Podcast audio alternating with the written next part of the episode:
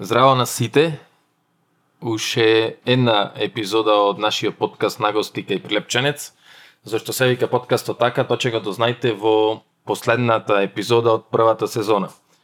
А сега благодарение до сите оние без кои ова идеја немаше да се реализира, првенствено до локацијата кај што снимавме сите овие денови, до пицеријата Верна 1990, до домајчино Менде Младеновски, а воедно и наша логистика сите овие денови, благодарение до Бојан Илиевски, директор на фотографија и светло, благодарение до Јосиф Трајковски камера, до Лјупчо Тодоровски аудиопродукција, благодарение до пријателите што го поддржаа проектов, ординација стоматолошка ординација Караджоски, Пекара Алекс и Моје Пазарче.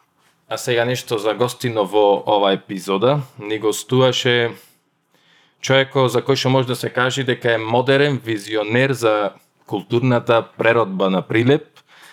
Муабетевме со Звонко Димовски.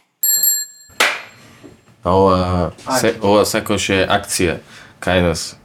На здраве за акција, вас На во за градот, акција, живели да ви трае да ви се множат. Добре дојде. Винце бело, една од твоите омилени пијачки. Точно е. А, ко почнавме со разговор. Викам како да почнам денеска сега со Звонко, пошто тебе човек а, не може баш кратко да, да те најави. И една од твоите паси, поезија. На крајов од проектов сега што го работевте, цело е кога се има 30 на Суперхикс, гледам книги, Е, викам се, че си купам нека книга, почна дошт, ги прибраја книги и ги молев на Шанков, децава што работеа, дај викам донесете ми две поезија, една да поклонам и една за мене. И ми донесоа две, едната беше Тагоре, класика, тоа на другаров му ја поклонив и другава беше Мистична роза. И баш ја зедов, уште не ми ја читан и сега нап... Пошто деноеве такви активности и се одам попат и читам поезија. И ја отворам книгава и прва песна с- ти ја прочитам. А, се вика и така. Сигурно веќе си разбрал и таките што значат. Ова е цитат. И сега песнава. Јас сум Одисеј, ама непознат. За мене никој ништо не чуе, никој не разбра за мојата итрина. Зошто никогаш не ја напуштив и така. Ниеднаш во животов не сретнав киклопи, ластригонци ни сирени, не направив тројански конј, ниту со подвизи се прочув. Зошто никогаш не ја напуштив и така? За силата на мојот лак и за смелоста моја не дозна никој. Дури и Пенелопа во својата љубов кон мене одам на олади. Зашто никогаш не ја напуштив и така. Прва песна од поезија за вовет е сега еден контраст. Звонко ја има напуштено и така, и Звонко го има напуштено Прилеп, и Звонко бил по светов, бил и професор во други држави, собирал искуства, ова што ти реков Прајска, што успел да ги интегрира во себе, во своје обитие и тој Звонко ја напушта и така, патува ни светов и се враќа во и така, односно се враќа во Прилеп. Во песната што одбрава ми ја прочиташ, а, или јас почувствував дека ми ја посветуваш во моментов на почетокот на нашиот разговор, а, иронично се содржани неколку аспекти од тоа што јас се обидувам да правам. А, сметам дека во некои сегменти многу успешно, а во некои не, но поради други причини, за кои што исто ќе разговараме. И моментите на кои што јас сега би надоврзал на песната што ја прочита и може да ни послужат за инспиративни теми во теков на разговорот, е една работа што ти ја направил, си ја направил денеска несвесно или свесно, не знам, но е процес што јас многу го обожавам, го сакам и сметам дека е многу важен за обштувањето на не само на нашата нација и традиција, туку воопшто за секоја за секој културен код, односно реактуализацијата на културното наследство, на старите навики, на старите мала, односно тоа што си читал поези, книга на улица е реактуализација на стара навика. Или тоа, тоа што јас многу често му објаснувам на децата со кои што соработувам, дека ние не измислуваме ништо ново. Само го се трудиме да го вратиме тоа што некој некогаш на многу убав племенит начин го создал во нашата заедница, а некој на многу брутален начин многу брзо го уништил. Значи, реактуализацијата како тема, а, која што е се присутна и може да се прави на секој начин. Како што кажав, тоа ето читање книга на улица е реактуализација на стара добра навика. А и така во мојот а, пример би означувало не само место кое што обожувам да се враќам, од причината е една, моите фантастични пријатели, а, една од причините зашто се задржувам подолго а, во Прилеп и, и така како сватена како инаед, Mm -hmm. Односно и така која што сака да докаже дека се што се зборува во чаршијата е неточно и можеме да докажеме дека е обратно. Така и почнува целата оваа градска приказна која што трае последниве 3-4 години. Турбулентна и така, ја снемува и се појавува. 3-4, така? 4 да. години, ти се враќаш пред 4 години, предходно колку време си онака одсутен? Добро, ти во тие периоди так. се враќаш, ама делуваш во странство. Така. А, Создаваш, отсутен... делуваш, работиш се, Точно. се образуваш во странство. Така. А, од градот од кажи, кажи ми малце за, за, за, а, за тој свет, за патот твој да. а, надвор и така. Така, ќе се обидам да го синтетизирам тоа во неколку кратки реченици, бидејќи тоа е толку прекрасна инспиративна приказна која што мене наново секој пат ме инспирира кога самиот себе си си ја раскажувам. А, одсутен од градот предходно, нели скоро 20 години, од државата 16, најдолго како а, мисловен, а, образовен, едукативен, а, концептуален процес во главата ми се случува во Полска и мајки среќа да завршам во Полска пред незината трансформација во така наречена сакам да бидам европска земја. А, односно јас почнав да живеам таму за времето на комунизмот, додека траеше во Полска се уште. Односно Ова е која година поточно? прв пат 90 а, брзо после комунизмот, мислев пред влезот во Европска унија. 99 прв пат. Аха. Заминувам, но не останувам, зашто не ми се допаѓа тогаш. А, трајно во Полска преминувам 2003 година. А, Полска, а, иако а, ево заемите кои што јас редовно ги критикувам, а, причини има многу, но како концепт и како историја и како културен код кој што се уште се пронајдува, а, има извршено огромно влијание за мене, зашто јас таму заминав кога Полска се уште беше затворена држава, а, авангардна, уметничката сцена беше на едно сосема поинакво ниво него тоа што е денеска. Живее во град Познен кој што е многу бирлиско до Берлин, А, многу од работите кои што се случуваа во Берлин се случуваа во Познај.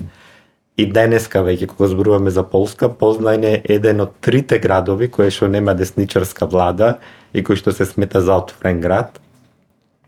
Многу навеки имам стекнато а, од таму и од функционирањето со тамошните луѓе и мајки среќа брзо да да почнам да функционирам во тамошните авангардни уметнички кругови и многу брзо да создавам работи кои што денеска пробуваме да ги пренесеме тука. Например, Балканскиот фестив... Балкански филмски фестивал кој што во Полска веќе се одржува деветта година поред, кој што го основав јас со моите студенти, сега го водат моите абсолвенти, се одржува во седум полски градови. И тоа е филмски фестивал кој што ја представува балканската кинематографија како уметничко дело.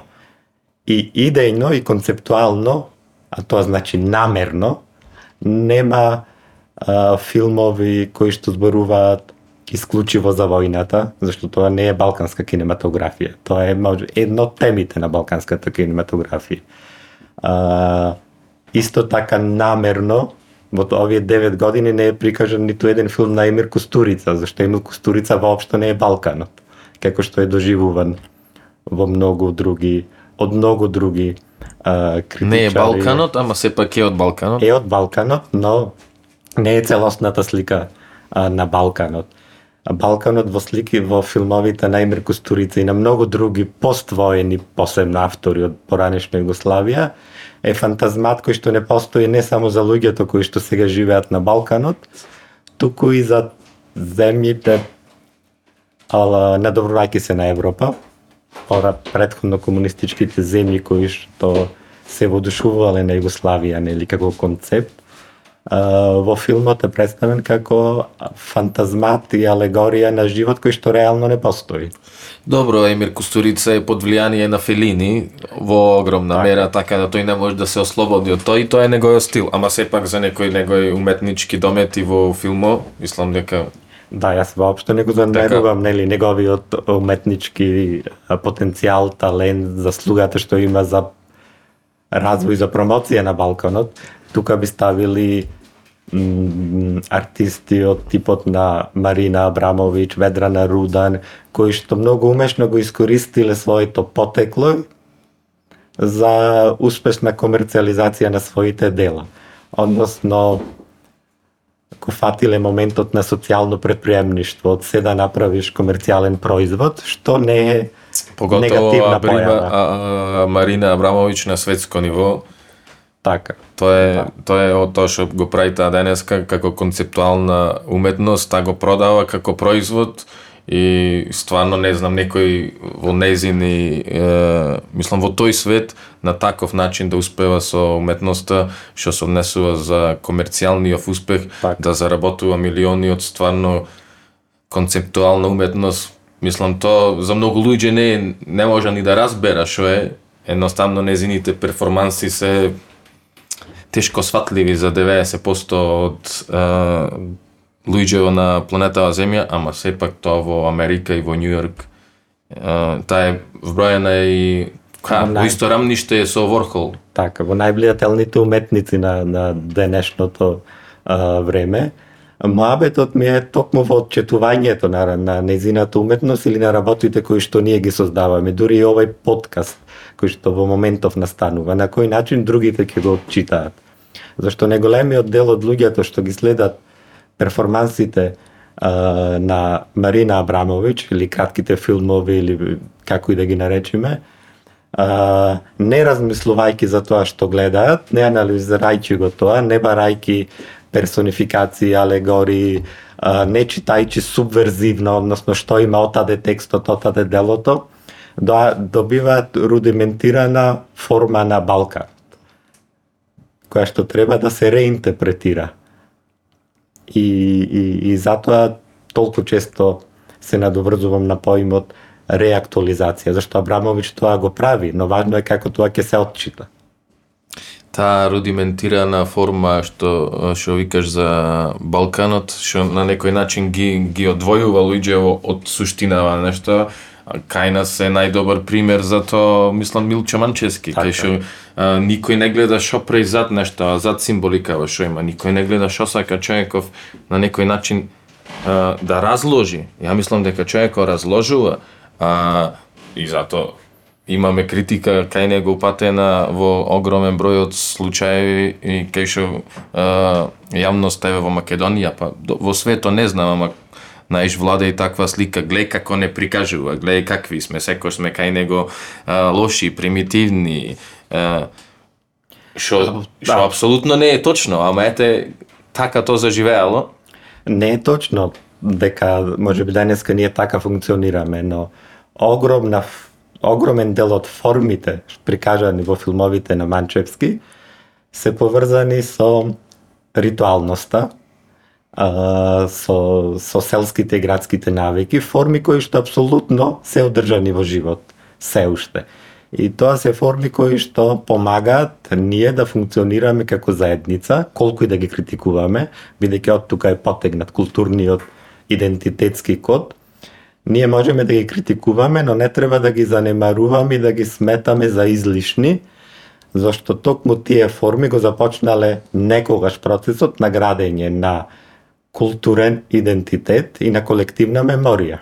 Нешто што денеска мислам дека не само што е знак праш под дека само што е под знак прашалник, туку и воопшто не го поседуваме како народ или како жители на Прилеп. Културна меморија. Бидејќи имам впечаток како а, терминиве кои со кои што сега оперираме јас и ти како да престанале да функционираат и да се развиваат во 80-тите години. Кога разговараш дали со помлади или со постари граѓани на Прилеп или Македонија се едно, и сакаш да излечиш што е за нив културна меморија, културен контин, континуитет, а, се турците, Втората светска војна, егејците, формирањето на Титова Југославија и тука и тука престанува како да не продолжува тој континуитетот на градење на културна меморија. Јас мислам да доколку се не знам, осмелиме заеднички или вие во некој од вашите емисии да направите на банална градска анкета помеѓу младите или луѓето од средната генерација и да му го поставите прашањето што за нив представува културен идентитет и културна меморија и да дадат два примера. Mm -hmm. За тоа. Нели? Ајде ако се анас да речем да да пробаме да лицитираме. Да ние ќе видиме дали ќе се потврди тоа што мислиш, што би бил одговор на еден да речеме тинејџер денеска во Прилеп на Да, прашањето така. што сега ти го постави. Што? Па сигурно нема да предпоставувам дека нема да биде тоа што еве овие неколку години се се трудиме да го направиме. М, например, не знам, за пример да го земеме фестивалот со Марко на улица, кој што имаше за цел составајќи шест прототипи на Марко Цепенков, што би бил кога Марко би живеел сега, да се представи како актуелна форма на културно и светско наследство, односно да биде урбан херој.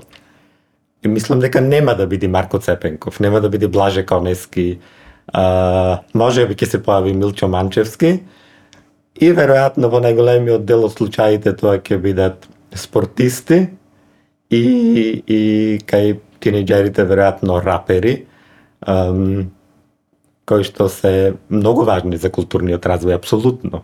R&B, хип-хоп сцената, популарната сцена, но младината би ги спомнувала нив од неколку причини, а една од најбаналните е зашто живееме во некои системи, во некој општество, тие што треба да ги наметнуваат или да ги пласираат или да ги предлагаат нормите, на нив не се а, не размислуваат за нив.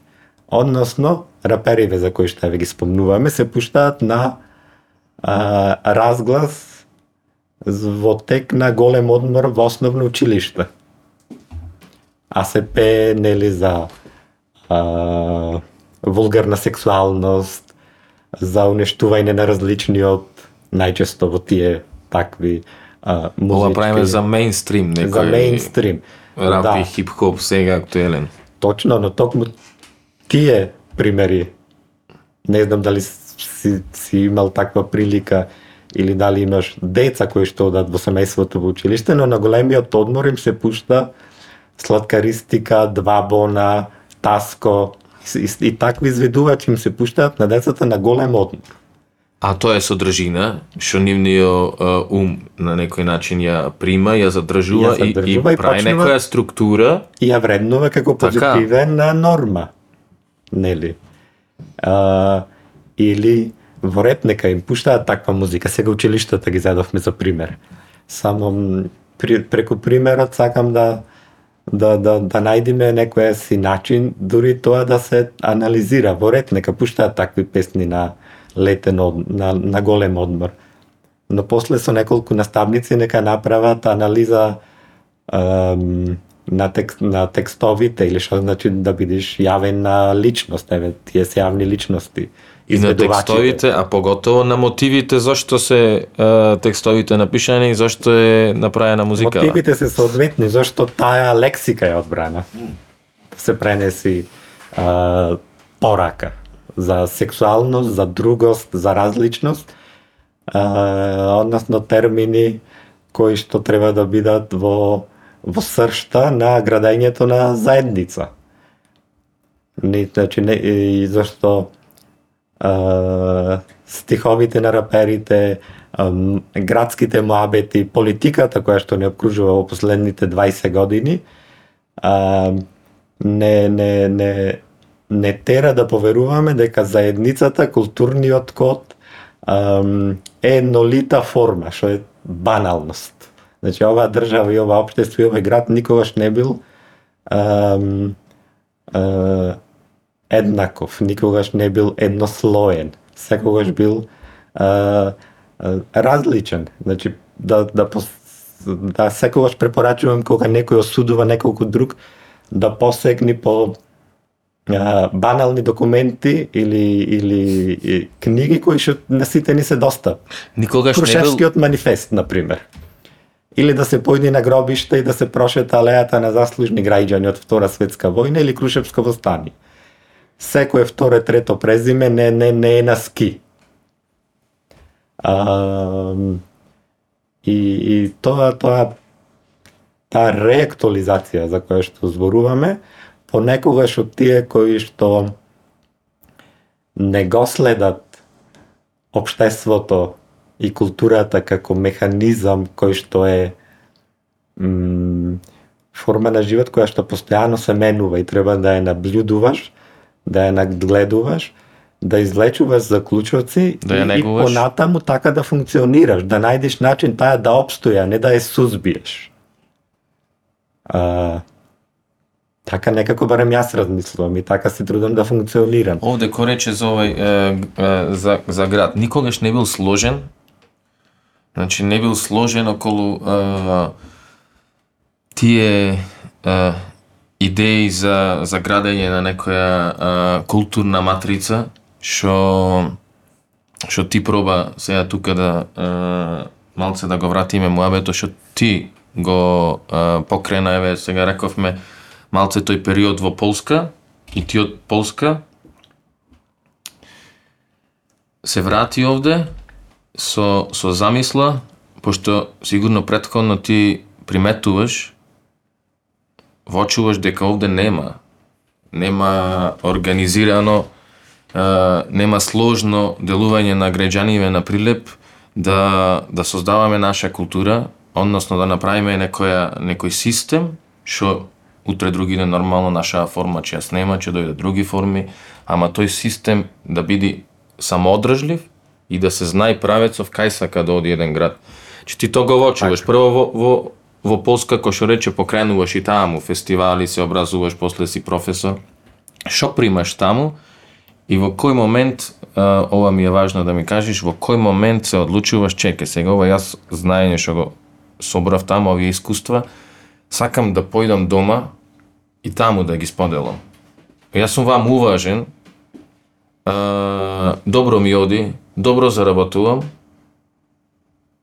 се некако на задоволително ниво, ама нешто ме тера дај ова дома да го споделам. Така. Дај мојава енергија дома нека создава.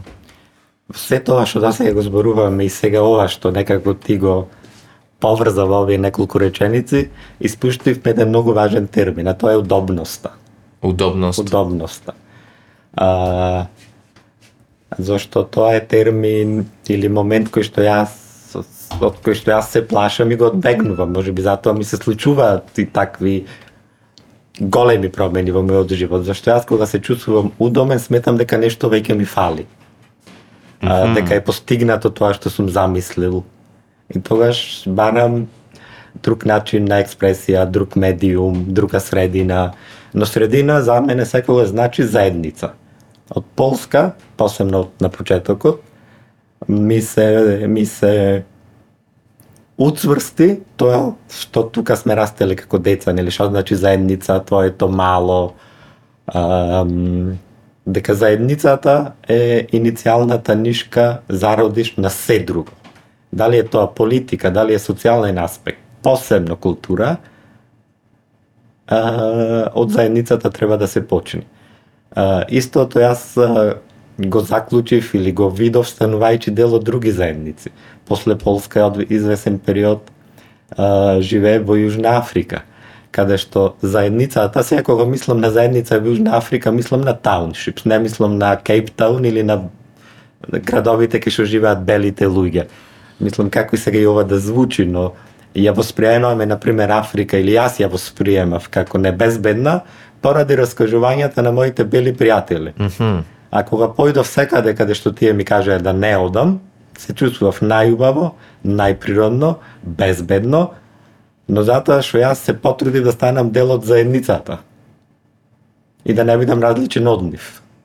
Колку долго во Јужна Африка? Околу две години. Околу две години. Да. Што се случува во тие две години? Кажи ни малце за ова ова стварно и за мене Да. изненадување не знаев.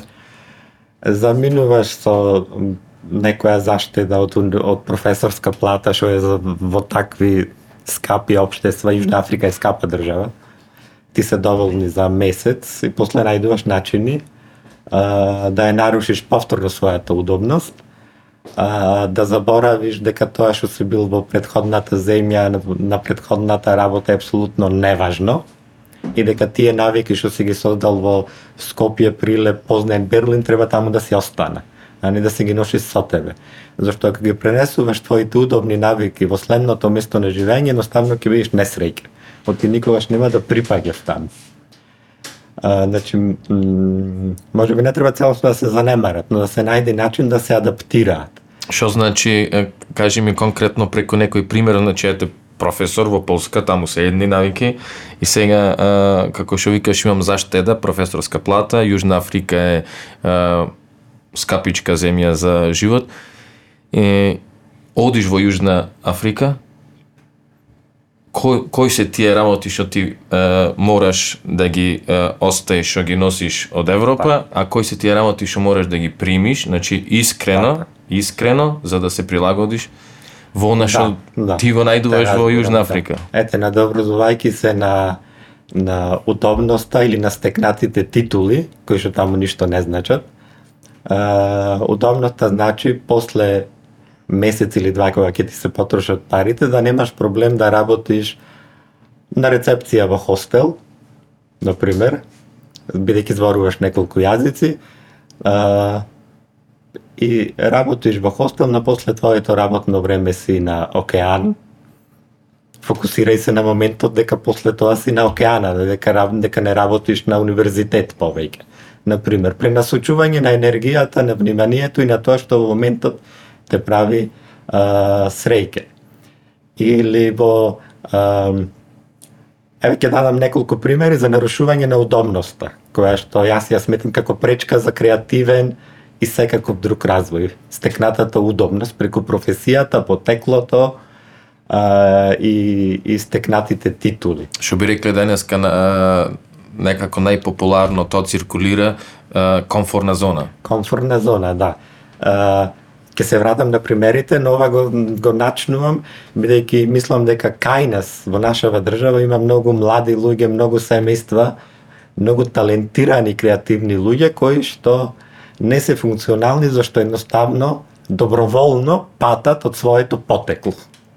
И сметаат дека ако се презиваш некако, дека сите други се должни да ти дадат и пари, да ти дадат и буџет и сите се за тебе да прават. Тоа е комплексот на собственото потекло. А, ќе се случуваат дегресии многу често. Ако, ако, ако. Прекајќи се сега на удобноста. А, не знам, еве извесен период исто живеев на Канарските услов, на о, острови. Таму трагајќи кај, мож, кај можам да функционирам, најдов на еден прекрасен културен центар кој што функционираше како хостел и секоја среда имаше а, гастрономски вечери од различни периоди од светот. И, например, секоја среда таму готвев четири македонски оброти за кои што гостите плаќаа соодветна сума и тие пари беа доволни да е, живееш удобно следната недела, да работиш 4 сата во културниот центар, но при тоа да видиш повторно покрај океан да запознаваш нови заедници, нови луѓе, еден куп уметници кои што во своите земји ше може би етаблирани, но тука свират на улица, зашто тоа е начин на живот. Значи, исто и удобноста е начин на живот. Зашто удобноста, среќата, не среќата, понекогаш дури и депресијата, колку и да е тежок збор, е, е прашање на собствен избор. См, сметам. Да. И колку почесто се дрзнуваме да ги фајкаме загуша овие термини кои што сега ги, ги нафрлам, толку повреден станува а, животот. Но, но сите овие патувања сега кои што, што, што ги спомнувам или подотна беа беше Санторини година и пол.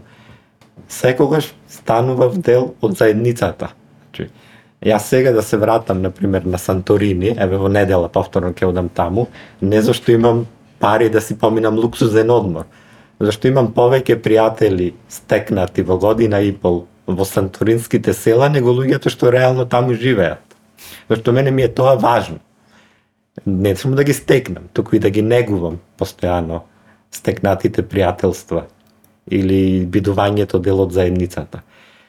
И сега предпоставувам и потребно е да зборуваме малку и за нашиот град како заедница.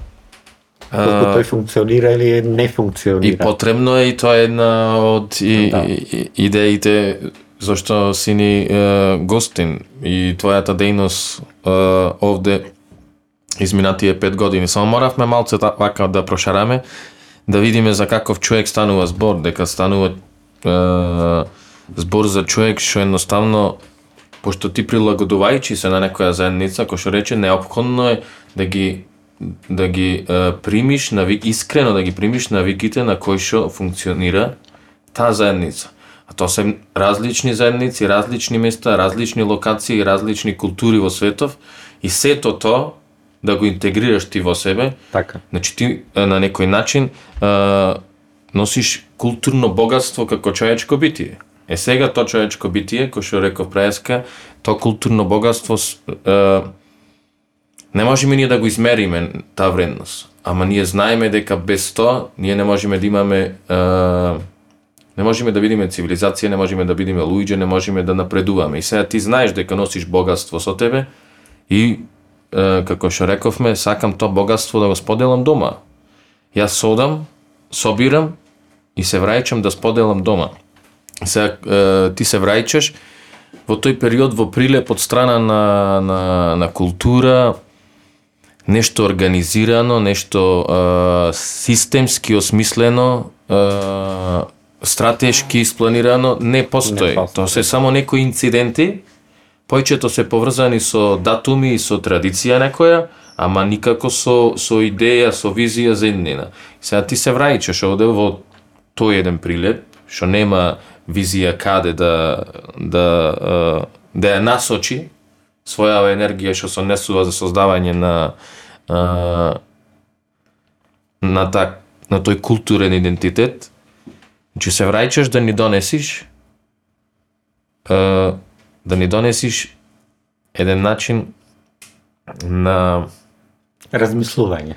Еден да. начин и на размислување и на делување и некако може и практично освестување како можеме.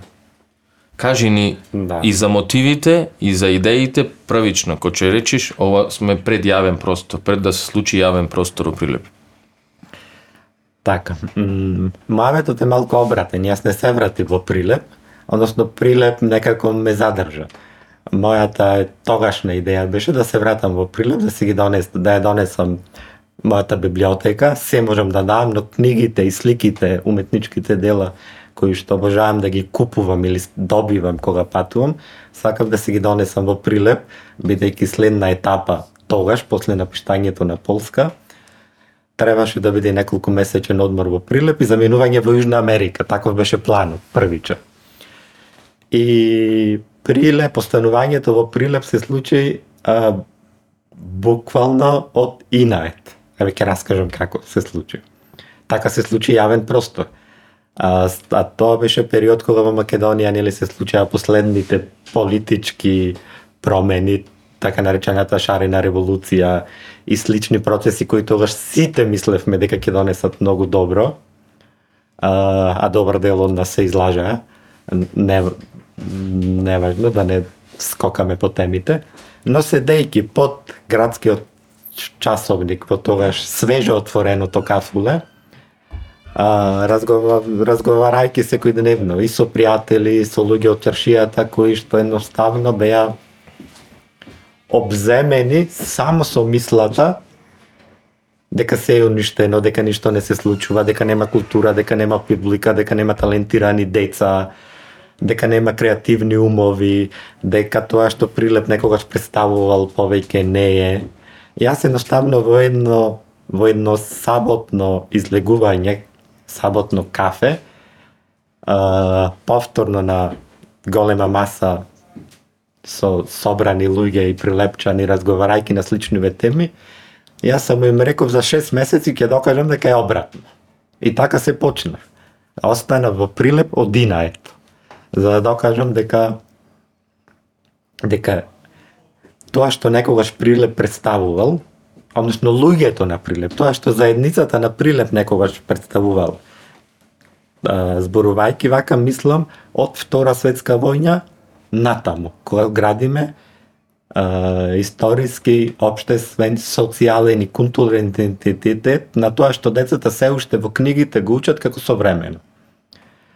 А, и доколку Прилеп имал суштински клучен влог во градењето на тоа што денеска во Македонија се нарекува современ јазик, литература, уметност, графика, скулптура, сето тоа не може да исчезни да го снема. Тоа само значи дека некаде е покриено, потиснато, занемарено, занемарено уште еднаш да повторам, или дека некој заклучил дека не треба тоа да се пласира или да биде видливо, или некој низ предходните 20 на години едноставно толку успешно ги научил децата и младите луѓе дека не треба да се трудиш, дека не треба да имаш собствено мислење, дека не треба да бидеш егоистичен. А, мала дигресија. На вистина сметам дека ако не си егоист, не можеш да бидеш среќен. Некој кој што решил дека други работи од градот сега ќе се пласираат.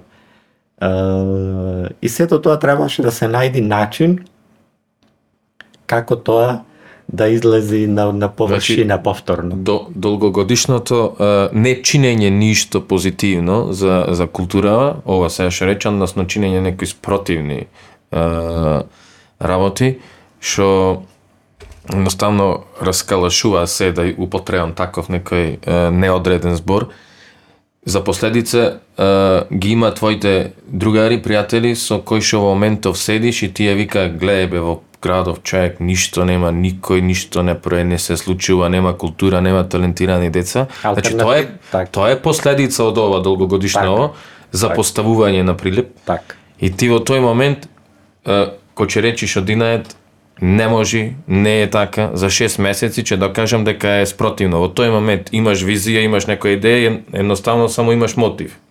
Како е тоа? И после влегуваш во стратегија во развивање. Така. И, и само што да не, да не занемариме и заморавиме, уништена или потисната или невидлива станува алтернативната културна сцена во Прилеп. Нешто што кога јас растев, како тинејџер и како студент, беше приказна за раскажување во цела Македонија. Прилеп, Гевгелија, Куманово. Тие беа градовите.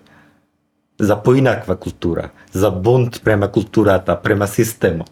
И од тие градови се трансф... преку трансформацијата може би Куманово остана како град со пркосел малку цело време, но останатите два некако како да беа целосно потиснати, а беа градови кои што беа заемани за пример за алтернативна култура во Македонија. Значи, а, идолите на мојата генерација и на луѓето со кои што јас растев беа градски ликови, не беа ликови од Холивуд, туку беа градски ликови. И тој Колку и да звучи неверојатно дека да може градски лик од Прилеп да ти биде, ха, не мора толку и дол колку што некој Да му се некој ориентир. Да, многу е важно да имаш кому да му се восхитуваш. Ако немаш кому да му се восхитуваш, или сметаш дека никој не е достоен да му се восхитуваш, тогаш нешто не е во ред со тебе, веројатно. Ако сметаш дека таков човек, таква а, вредност не постои во општеството или во заедницата во која што живееш, тогаш треба да се приспиташ себе си.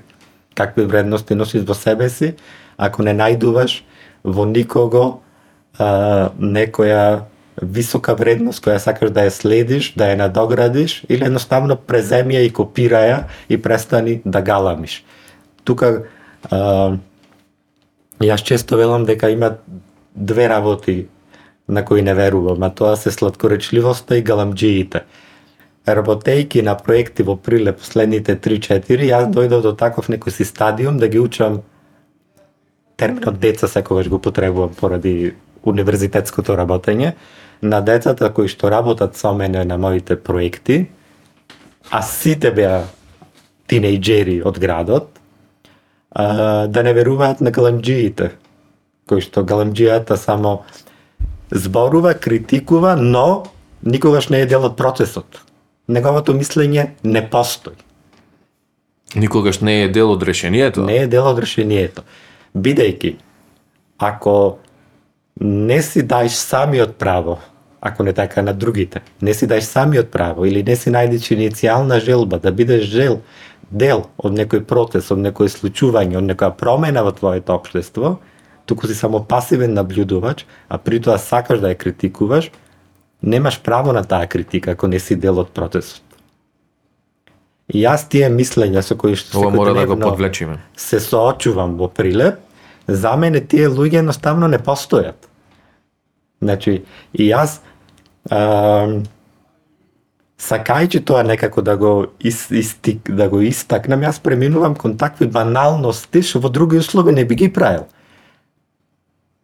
Например, а, да, не знам, сега 16 дена работевме фестивал за кој што повторно цела земја зборува. Зашто колку е професионално сработен, колку е продукциски богат и различен. И и кога има следниот дел луѓе кои што биле на тие многу добро сработени настани, не само продукциски, туку и луѓето кои што го сработиле финалниот производ, а се поврзани со прилеп, коментарот да ти биде следниот ден на Facebook, од која се плаќа во пример еден бир, од која се плаќа во прилеп пиво 90 денари. Колку да биде, ајде пивото. Првим да почнеме од тоа. Прво да почнеме од Прво пивото. да почнеме од пивото. Колку треба да биде пивото? Ако на настан, кај што сум се потрудил да го донесам, е скапо да биде 90 денари, да ја занемариме, пример еден употреби. И јас на ваквите луѓе едноставно доколку ги познавам, верувајме, му се јавувам, да му кажам дека се простаци и дека треба да се да најдат начин да му се извинат на артистот што настапувал таа вечер. Ако единственото нешто што изнесле, пивото дека било 90 денари. Значи, за, тогаш веројатно завршиле на погрешно место. И на вистина е тоа е моето мислење. Ако од еден прекрасен настан си излекол дека пивото е 90 денари, или дека те прашале за сертификат, колку и сега ги коментираме реалностите во кои што тековно живееме, си изнесол само таква вредност, воопшто не си требал да се појавиш. И стварно сметам дека треба да му се извиниш на артистот што таа вечер настапувал. Ха, на артистот, на да му се извиниш. Значи, е, сега е, спомна неколку работи, то сето за некоја ти го донеси, за некоја ти го овозможи. Поготово во овој денешен е, временски контекст во кој што се случува се и се што овде сега, кај што луѓето е, многу работи од страна на мали бизниси, многу работи не, не, не, успеа да обстана и, и комерцијално исплатливи работи не успеа да обстана во изминативе две години, Точно. некој успева да одржи култура и, и е, Она што го почнал пред пет години не прекинува сега, а има илјада причини за да прекини и само може би неколку за да обстане. Секојдневно, да. Верувам и секој пат кога завршуваме со проектот, викам дека е последен пат. А, значи сите овие активности кои што ние и јас и уште неколку луѓе во градот ги преземаме и кои што немаат никаква допирна врска со институциите, зашто ние како поединци кои што не сме ниту политички ангажирани, ниту имаме некакво а, дури наративна поддршка од тековната власт која што секогаш е минлива за среќа, ние се бориме со институционализираноста на културата во градот и во Македонија. Во градот. Во градот културата е целосно институционализирана, односно тоа е сведено на годишната програма од Министерство за култура и затоа во Прилеп има најмногу на годишно ниво изложби на ликовни уметници, а, концерти на класична музика, апсолутно сето тоа е потребно, но се тоа се а, проекти кои што по дефиниција се добиваат од Министерство И за не се култура. и не се дел од по поширока стратегија, Не така? се дел од поширолика стратегија. Значи, овде во овие 4-5 години нема откажување зашто иницијалната идеја е да, да имаме влијание врз неколку работи. Инст, институционализираноста на културата, односно да се бориме со неја. Децентрализација на културата во Македонија. Не може сите убави настани да бидат во Скопје. А, во Битола повеќе и не се. Мислам дека во еден момент Прилеп за- зазема така. место централно во Пелагонија и битолчани тоа го признаваат да да- и, и, и тоа е важно од аспект на културолошко стереотипно живење на заедницата тоа е достигнување И вечен антагонизам на измеѓу прилепчани и, и, и, и битолчани. Така. Постојано зборување и со младите луѓе, и со заедниците во градот, и со директорите на раководните институции, и со општината, дека културата мора да биде создавана, поддржувана и креирана од заедницата, а не од луѓето кои што имаат административни позиции во институциите кои што е, гравитираат во градот или околу градот. Институциите се едноставно места кои што треба да овозможат ова да се случи и да бидат простор за Технички представување сервис. на уметноста. Тие нем, немаат брутално кажано во моментов институциите немаат потенцијал тоа да го работат. Не знаат тоа да го работат. Пошто неколку пати ние имаме предложено готови решенија и готови буџети, само некој што сака да ги даде парите, и дека многу често едноставно одговорот е е зво некој ќе го сработи ова после. Ако се обреќам во институција, Дали е оправдан, дали е оправдано тоа прашање?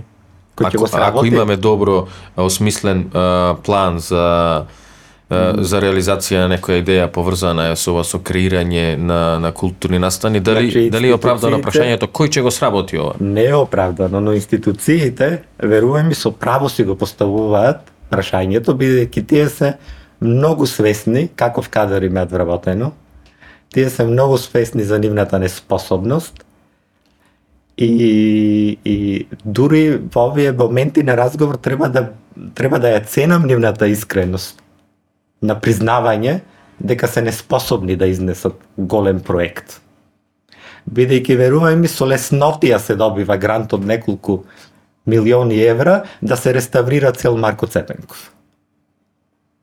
Ама да се создаде тим. Е сега, ние тука неколку пати пробавме да иницираме идејата, што е нормална пракса секаде да во светот, дека институциите, дури не општината, не треба да биде проектен менеджер на големи проекти. Туку треба да си ангажира на дворешен проектен менеджер. Многу банална работа. Тоа се практикува во светот од многу одамна. Нели? И сега тука го имаш моментот на дури институциите да се согласат не ти дозволуваат да си донеши собствен тим. За да ја из, изнеши таа цела тежина кој што носи цел еден проект. А кога разговараш многу често со луѓето за што значи да работиш проекти од културата, или што значи да бидеш, како што ти на почетокот нели размислуваше како да ме представиш, јас многу често размислувам како да им објаснам на луѓето што значи да работиш креативен проектен менеджмент. Бејќи тоа не е јас ќе ти се на телефон и ќе настани театарска представа. Или нова продукција, знаеш. А, тоа е Што е креативен? креативен менадж, ме, креативен, Културен менаџмент. Креативен културен менаџмент значи да бидеш апсолутно свесен за предностите и за маните на заедницата во која живееш, да ги знаеш членовите на твојата заедница. Тоа значи дека јас кога, не знам, кога се шетам низ прилеп и слушам дека некој свири пијано, Јас звонам на таа кујка. Дали можеме да најдеме решение, дали тоа дете, човек сака да настапи под сатот, дали следниот проект сака да биде вклучено. Тоа е креативен проектен менеджер. Значи пијано свири, ова мора да се задржи. Не смее да помисли немам имнина во пијано, Во- морам да Во да учам програмски до- јазици. Да. Во моментот на нашето културно живење дури не е идејата да се задржи, туку да се окуражи да излезе од дома. Првено тоа треба да почнеш. Дека тука младите нажалост се целосно разочарани од системот и од луѓето што институционално ја водат културата. И, и од системот на вредности кои што го наметна и општеството, а тоа значи, нажалост, и нивните родители, зашто поголемиот дел од родителите во Македонија своите деца ги учат да не се трудат. Зошто? Која е потребата да се трудиш, нели? Значи, тој проблемот е многу, многу, многу слоен за да охрабриш едно дете или еден млад човек. Значи, проектите за кои што ние зборуваме, и на вистина сметам дека се многу професионално сработени и проектно многу богати и иновативни, се сработени од мене, уште еден или двајца луѓе како јас и деца кои што јас сум ги обучил во претходниве 5, 6 6 не се, неколку години. Значи, градските проекти ги работат деца. Да, да не, да, ова Значи- е важно да се каже за да биде да биде да бидат свесни тие што се посетители на тие е, успешно продуцирани и произведени настани. А децата, младите се многу важни зашто имаат можност да бидат дел од целосно од процесот, од конструирање на буџет, носење на пари, поделба на буџет, ангажирање на лица, осмислување на проекти. Бидејќи мојата идеја од почеток беше со се што работиме да градиме некаква си стратегија за развој на културата која што јас не ја гледам без вклученост на заедницата, едукација на нови публики, вклученост на заедницата и на младите луѓе целосно во процесот и без а, план за работа како таа културна стратегија да се развива. Според моето искуство, мојата желба и моето разбирање на светот и во моментот во кој што ние сме како држава, која што има постојан постојана криза во идентитетот, јас заклучив дека тоа е, и сметам дека не погрешив, реактуализацијата на културното наследство. И сите овие, во сите овие проекти, таа нишка се пројавува. Дали тоа е ке реактуализација на Марко Цепенков, Во модерен аранжман се разбира. аранжман, значи цело време да се користат нови медиуми, нови технички, нови изразни средства, а, дури, не знам, ние примери само. Што значи реактуализација на културно наследство? Ние, на пример, сработивме вечер со еротските приказни на Марко Цепенков, но сработени од слемери Мгм. а не беа читани и, или собрани како раскажување на прилепски марифет. Туку сработени како на сцена а, слемерска, значи нешто што се што, што е многу нормално. Во, во, И во, и во светот на поезијата во светот многу на поезијата. а, а, многу популарно. Така. Еве последниот фестивал да го заиме цело кога се има 30. Имаше две работи на кои што сум јас посебно горд дека успеавме да ги направиме. Поетската јас ја викав поетско наративна музичка вариетете вечер, односно реинтерпретација на македонската поезија со пет актери а, од четворица од Прилепскиот, еден од Велешкиот, то сепак Прилепчанет, Исидор Јовановски, И тоа беше едно варијетете вечер кој што буквално може сега ние да го понудиме како комерцијален производ, а, како шоу програма за кафулиња, за мали театри. Значи, нешто сработено во фазонот на француската културна сцена, например, алтернативна. Или многу комплексно сработена продукција танцов перформанс со шестмина млади танчери, X-Word колектив, и заедовме да анализираме повторно земајќи го предвид нашето културно живење, што значи да бидеш човек и потрага по човекот кој што повеќе го неаме во себе си.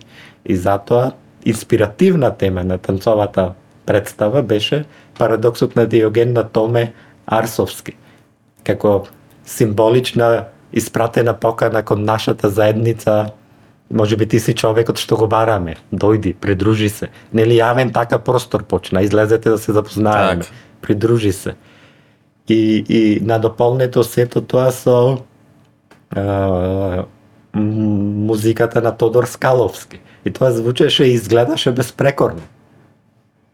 Да, може би помалку луѓе ја видоа поради тековните протоколи, но сите овие дела за кои што зборуваме, посебно овие 16 дена, се дигитализирани. Исто и тоа дел што ни фали.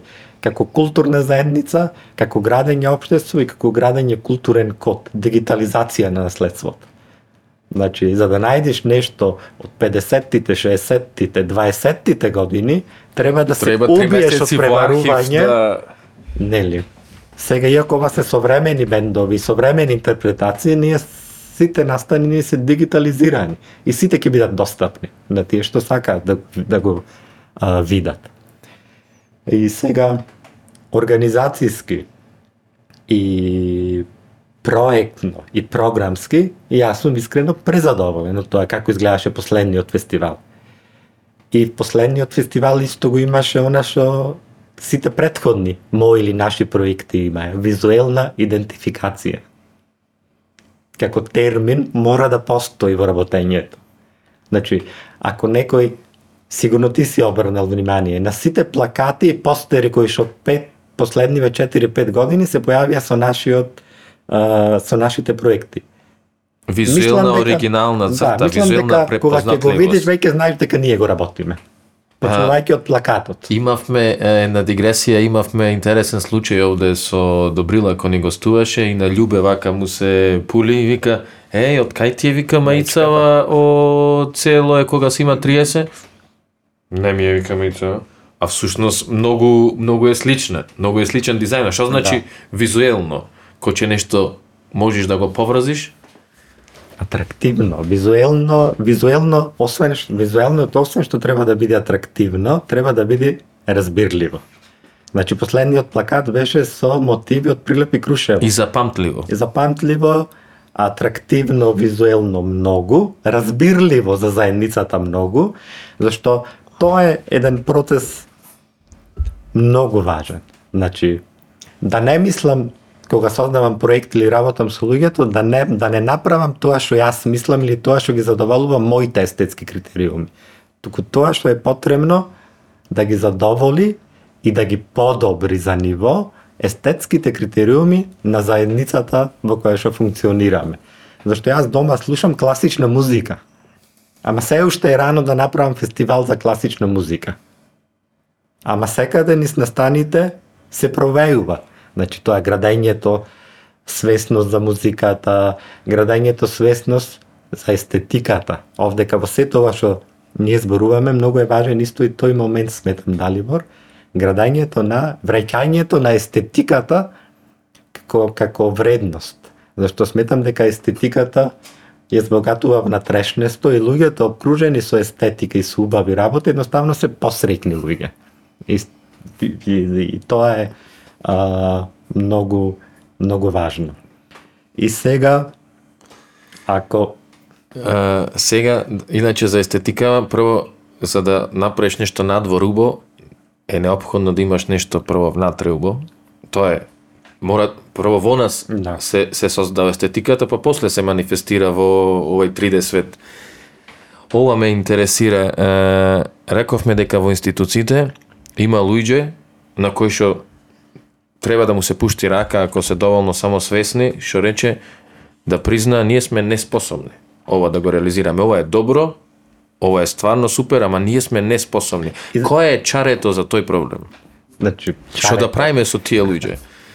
Значи, Рековме имаш- децава можеш да ги обучиш и, и, и Да. ги обучуваш и се Но покажува како деца, извини, кои што се апсолутно спремни, но од системот се научени дека кога ќе научат нешто друго треба да си заминат, за да му го платат подобро. Значи системот треба да создаде услови децата да ги задржи. Мојата мојата активност или мојот влог тука треба да заврши. Јас не можам на децата да му најдам работа или да му најдам постојано проекти. Значи и децата и трудот на луѓето треба секогаш да вреднува. Ние имаме исто проблем со тоа како општество, како заедница дека очекуваме дека треба луѓето без пари да работат. Да му се јавиме на Трпче, на Даниела, на Диме, uh -huh. на да дојди, да испе, да спреми и да си замени, да му кажеме фала. Не, треба да го платиме. Значи децата како што јас Некогаш е окей? Некогаш е окей, ама јас знам да оценам кога треба без пари. Најчесто не треба. И тука сакам да се да да зборувам и за вакви работи, што тоа е многу важно. Децата, што јас ги нарекувам волонтери, и тие добиваат хонорар. Тие деца не работат без пари. Да, некогаш во буџетот можам тоа да го предвидам, некогаш не. Но секогаш се трудам да има хонорари за, волон- за волонтерите на фестивалот. А чарињата имаат многу непријатели. Едно од непријателите е тоа што ние како заедница се плашиме или ја изгубивме ја изгубивме способноста некого да пофалиме. Ние не, не се фалиме себе си. Ние кога последен пат некој кој што не ти е многу добар близок ти кажал дека нешто добро си направил. Без интерес да те пофали. Ние првин тој проблем го имаме. Значи ние одиме на преубав настан и другиот ден го ќе најдеме нешто за да го искритикуваме. Ту, тоа е не, тоа е проблем на, на, на таа менталноста или на континуитетот што го немаме. Дали како проектни менаџери, ставајки меве и мене тука, или како институции, што не само што не, не создаваме услови за за континуиран развој, туку немаме стратегија. Кај нас секој почнува се од почеток, колку и да било предходното добро.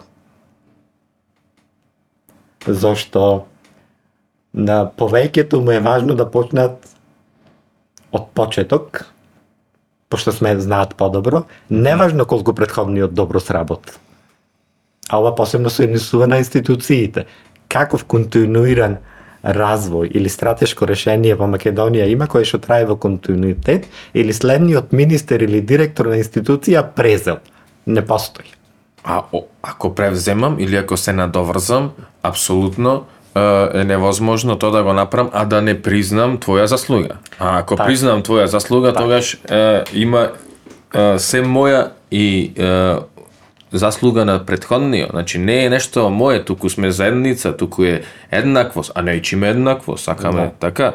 И сега Ова што рече и за, за фалењето, јас мислам дека звонко не е тоа поврзано само со културни растани. Ја мислам дека е со било што човек што ќе проба да направи не тешко, така тешко, тешко му е да каже аха, добро е. Знаеш, и тука веќе би се надоврзал како бидејќи еве сега да се фокусираме можеби како може ова да се подобри.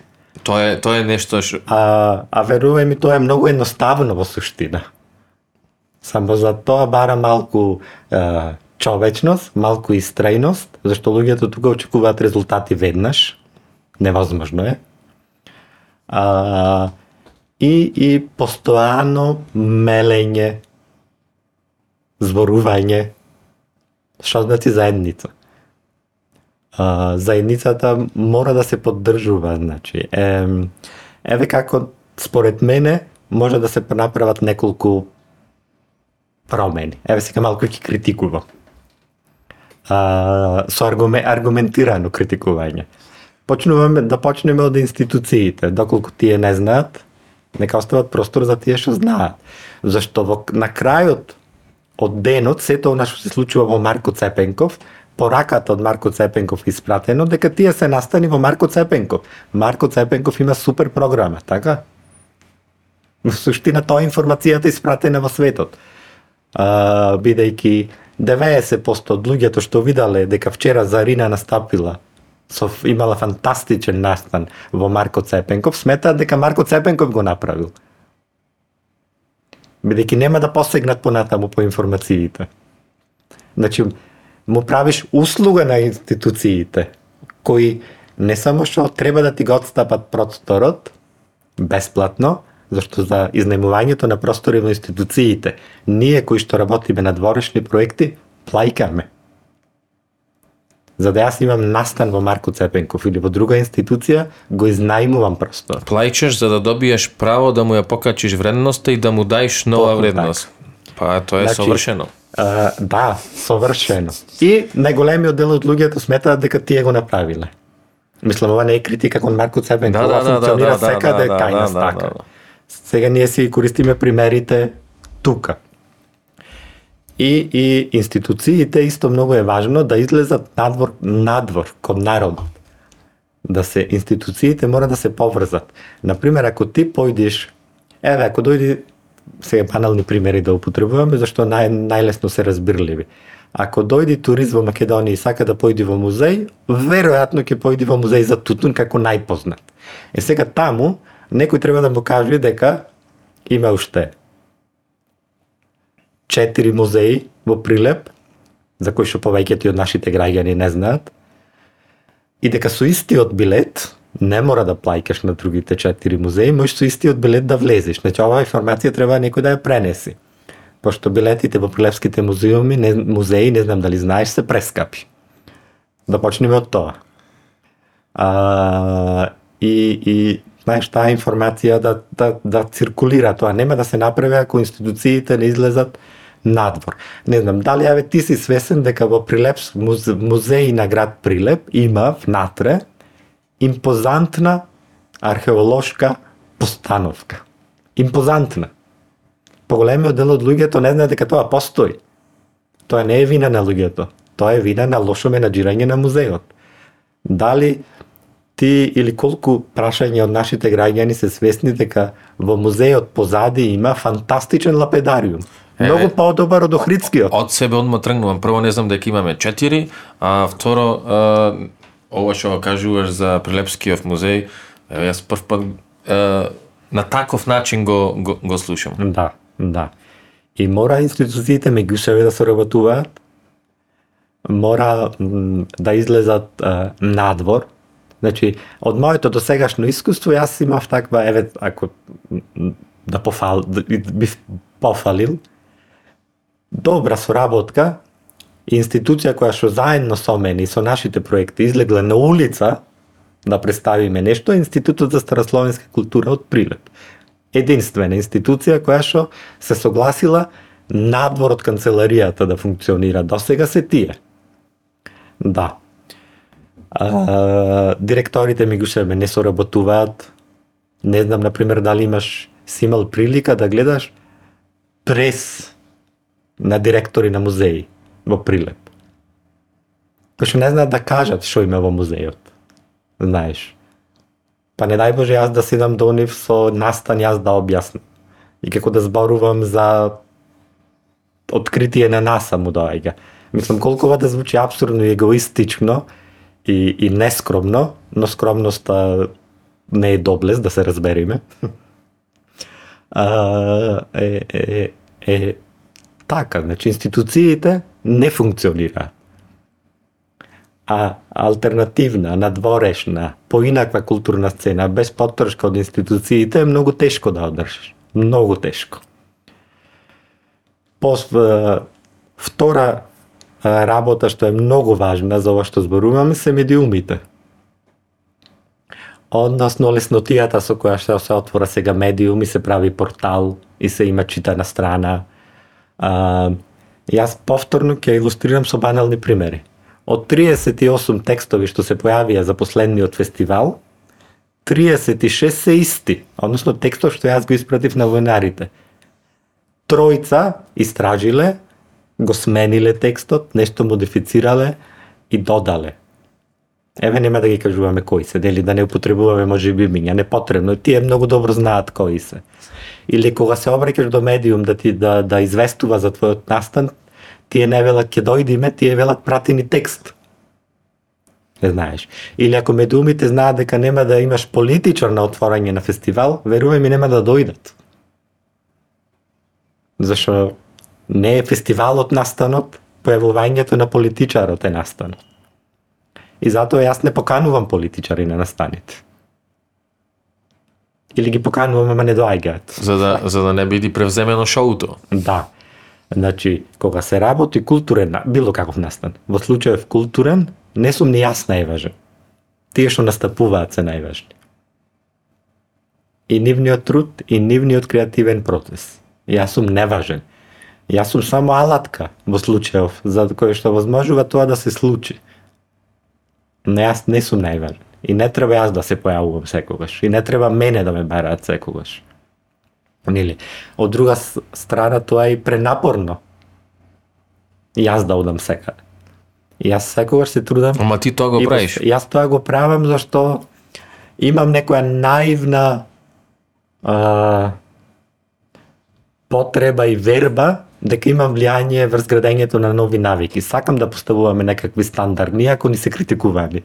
Но мислам, наискрено, дека со ова што работиме, јас и уште неколку луѓе во градот, дека поставуваме некои си стандарди како треба да изгледа настан. Ние не правиме ништо ново. Ние само се трудиме секој да биде испочитуван, секој да го сработи својот дел, секој да биде видлив за својот сработен дел и, и, и да се чувствува соодветно. Значи, јас не дозволувам кога Добрила има настан, например, во Прилеп, Добрила или било кој, сам столица да си носи на сцена или да подсети дека треба вода да му донеси некој. Значи, тоа не сме да постои. И на нашите настани, повторно банален пример употребувам, не постои тоа. Значи, имаш дете задолжено што се грижи вечерва за Добрила. Иако Добрила на Добрила тој е апсолутно непотребна, ама тој треба да биде стандардот на Утре, организирање. утре ќе биде некој друг. Некој Да. трет, некој Да. петте, некој од страна. И многу е а, жално што ние како заедница во градот многу малку вреднуваме вакви работи. Значи, најголем случај на луѓето што не фала, што се ува за честитаат, не се однесе од прилеп. Значи, и, и бидејќи многу е видливо тоа што ние работиме. Колку е добро, солидно, квалитетно, осмислено, тематски сработено, тематски сработено, многу важно. И како се пренесуваат тие, тие, тие информации. Да. Медиумите кои што ги сметаме за, сме, за седма сила, како и да ти звучи сега повторнова, во суштина, со нивниот начин на известување, мене не ми се ни потребни. Зашто повеќе информации луѓето земаат од мојата Facebook страна или од страната на моите настани, ќе што има многу повеќе следачи, значи мојата информација на мојата Facebook страна ќе ја прочитаат неколку илјади луѓе. Објавата на медиум ќе ја видат 50. Дури од тој аспект не се потребни. Сега знам дека ќе се налутат, но нивниот начин на работење ми, Ама- ми кажуваат не, не, нема не, не допринесува мојот настан да биде поуспешен. Поентата е да градиме заедница, а да градиме заедница и со нив, така? Значи, заради имиджот се потребни. Така. Заради тоа дека не си сам, заради тоа дека си поддржан, заради тоа дека имаш партнер, дека имаш пријатели, а не толку во, ова, во практична е, некој некој фидбек во, од страна на тоа колку ќе с- дозна за настанов преку медиумов. Може да дозна еден, може да не дозна ни еден, ама како имидж Да. е важно. Да, да. И третата, третиот сегмент што е многу важен, а тој збор веројатно сто пати денеска го потребивме, повторно заедница, за, заедницата разбрана како град, заедницата разбрана како мало, заедницата разбрана како еснав, заедницата разбрана како театарски уметник, креативен уметник.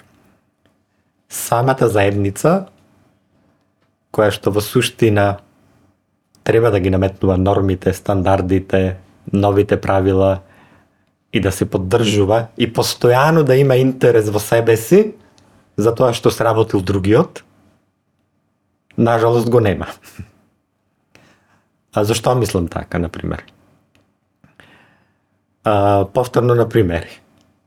Најдобро. Фантастично сработена вариетете поетска вечер. Со фантастични коментари од натрешноста, на која што не беше и не е тоа поради сертификатите, пошто некој ќе реки сега поради сертификатите. Ова се повторува во континуитет, затоа и го наметнувам како заклучок, дека не ги интересира. Не беше појавен ниту еден глумец од Прилепскиот театар на кој што настапија неговите колеги. Не беше појавен а, ниту ни еден директор на културна институција веќе почнувам и да го занемарувам, зашто тоа ми се подразбира. Не беше појавен ниту еден од прилепските писатели, уредници на списанија, ликовни уметници. Како може да не те интересира што сработиле другите, а сработиле различно од тебе?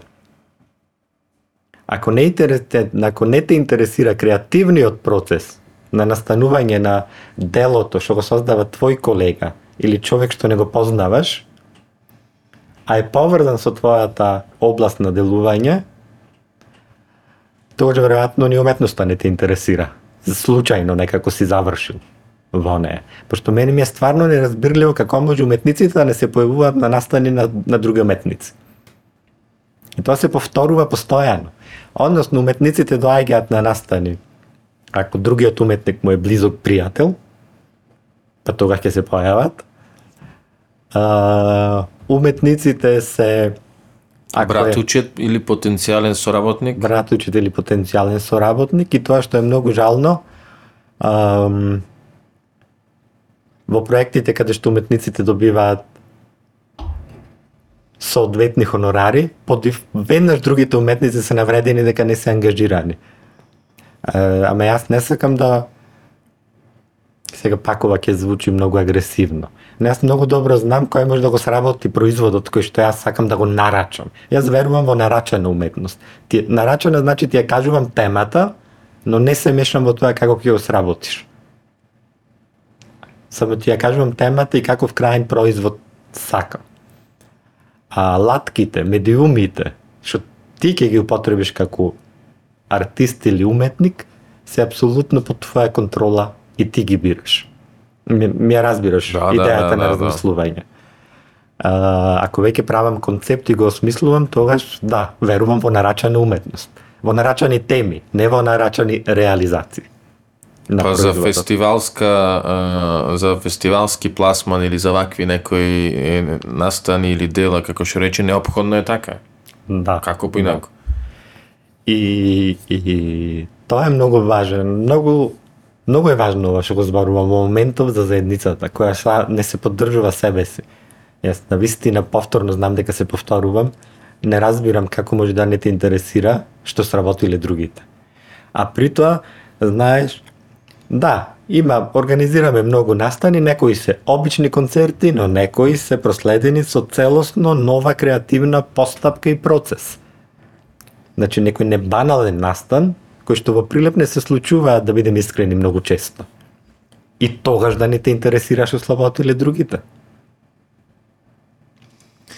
А, можам да само да гледам на тоа со своји очи. А, ако гледам со своји очи како може да не ме интересира а, делото на некој уметник или некој културен настан, тоа е прво ако се преценам себе си, ако мислам дека ова овој што го прави нема никакво значење. Ако јас проценам дека човеков нема на никаков начин мене да ме е, подобри, да ме обогати. Ако му дам е, приоритет на вечерта, ако се случува некој настан, на дружењето со, со другарите, отколку да дам поддршка на нешто што не знам како ќе се одрази е, на мене, не знам како ќе се одрази на било што што се случува во градов, ако имам скепса и не знам, мислам дека луѓето оваа преска што е, рече ја нема е, ја нема таа поширока слика. Ја не, го нема тој осет дека ние сме а, поврзани на некоја пофина димензија. Може би не можеш да ја доприш, може не можеш да ја опипаш, ама некако сме дел од едно колективно информационо поле и то информационо поле нас не проткајува и то информационо поле ако го обогатуваш со а, да речеме квалитетни, позитивни корисни информации, тоа ќе се одражи, ќе се одрази кај сите, ама нема да се одрази утре. Нема да се одрази за 5 минути, ќе се одрази може за 5 години. Сега дали имаме ние а, некаков однос со тие 5 години или 50 години или 100 години? Дали можеш да, да, да замислиш дека ти за 100 години нема да бидиш, ама заради тебе ќе биде нешто. И тоа е важно. Така. Е, тоа го немаме ние. Тоа го немаме, да, да. Е, ова, ова сега можеме само да го оценуваме во тегорија на индивидуален влог. Дека јас оставам нешто за, за другите или оставам нешто за другите. Дека сум научил може би неколку луѓе како треба да работат. Може, може Звонко да биде одсутен, а делата на Звонко и замислите овде да продолжа да се реализира?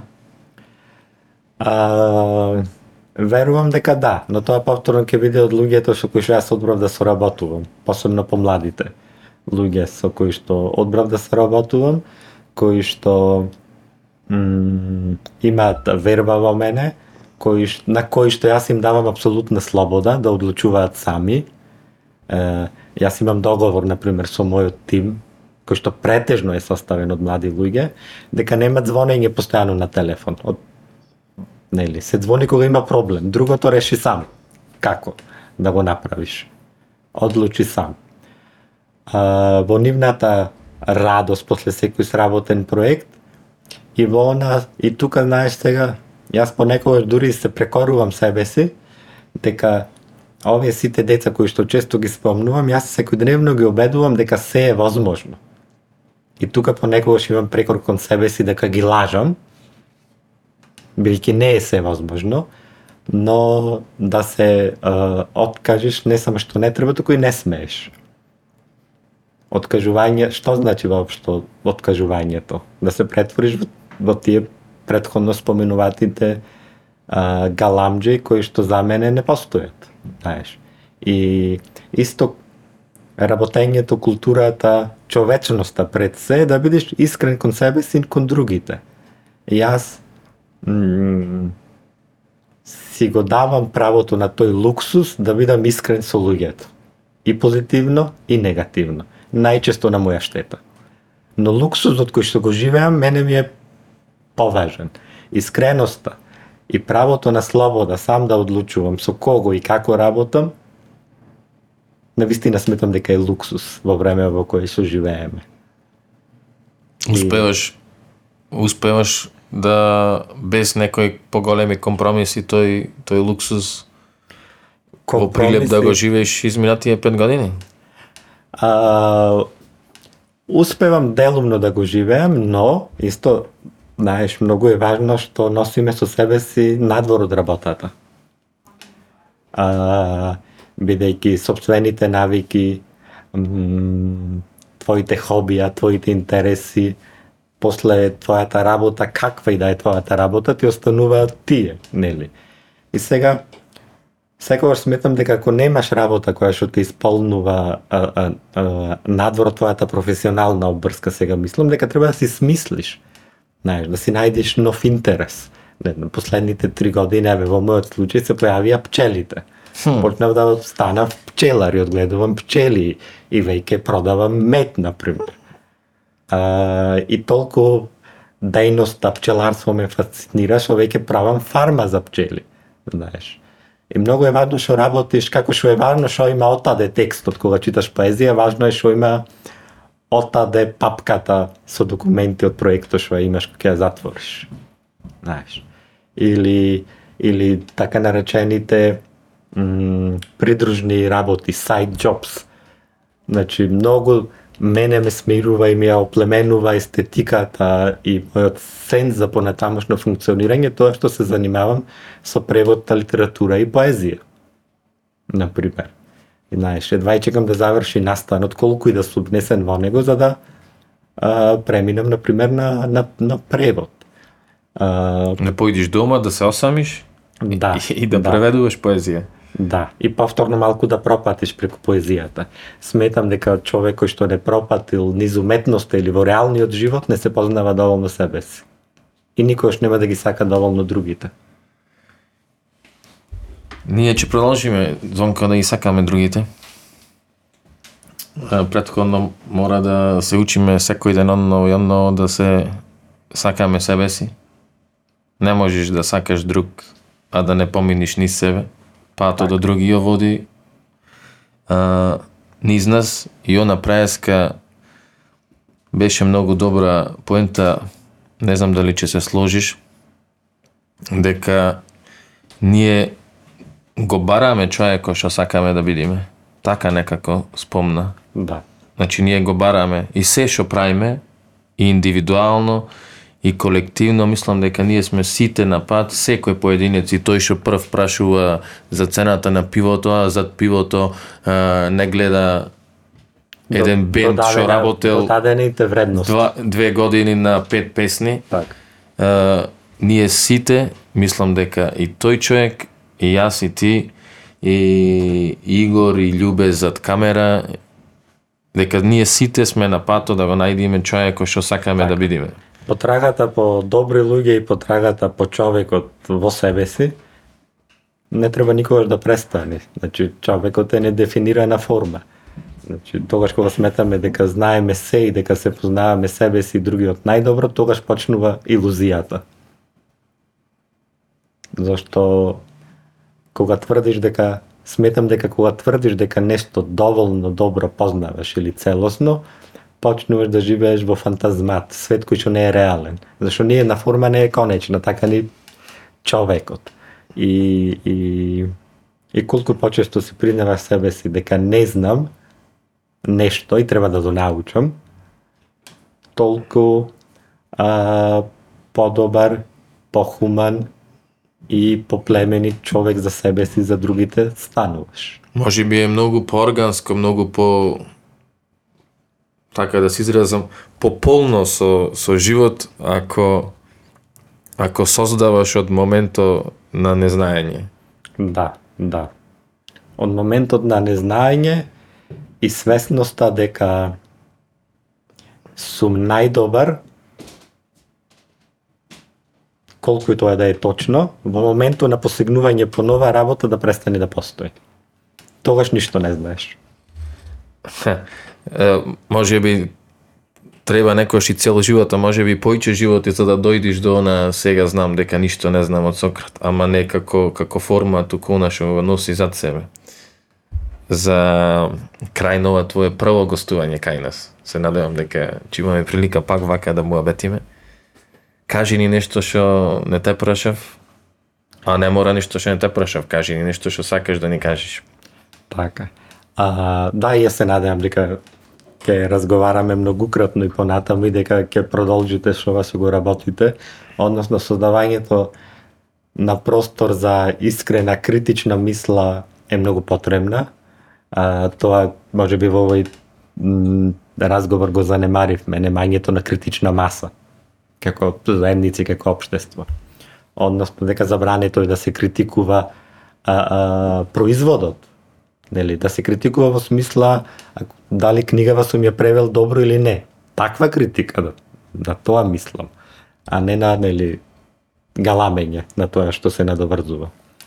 А, критиката да не биде опис на книгата или на концертот или на песните на албумот, туку да биде Конструктивен анализа, допринос. конструктивен допринос и барање на, на нешто што другите а, не знаат да го видат, зашто немаат такви алатки или такво образование, нели? Сите сме добри во некои други дејности.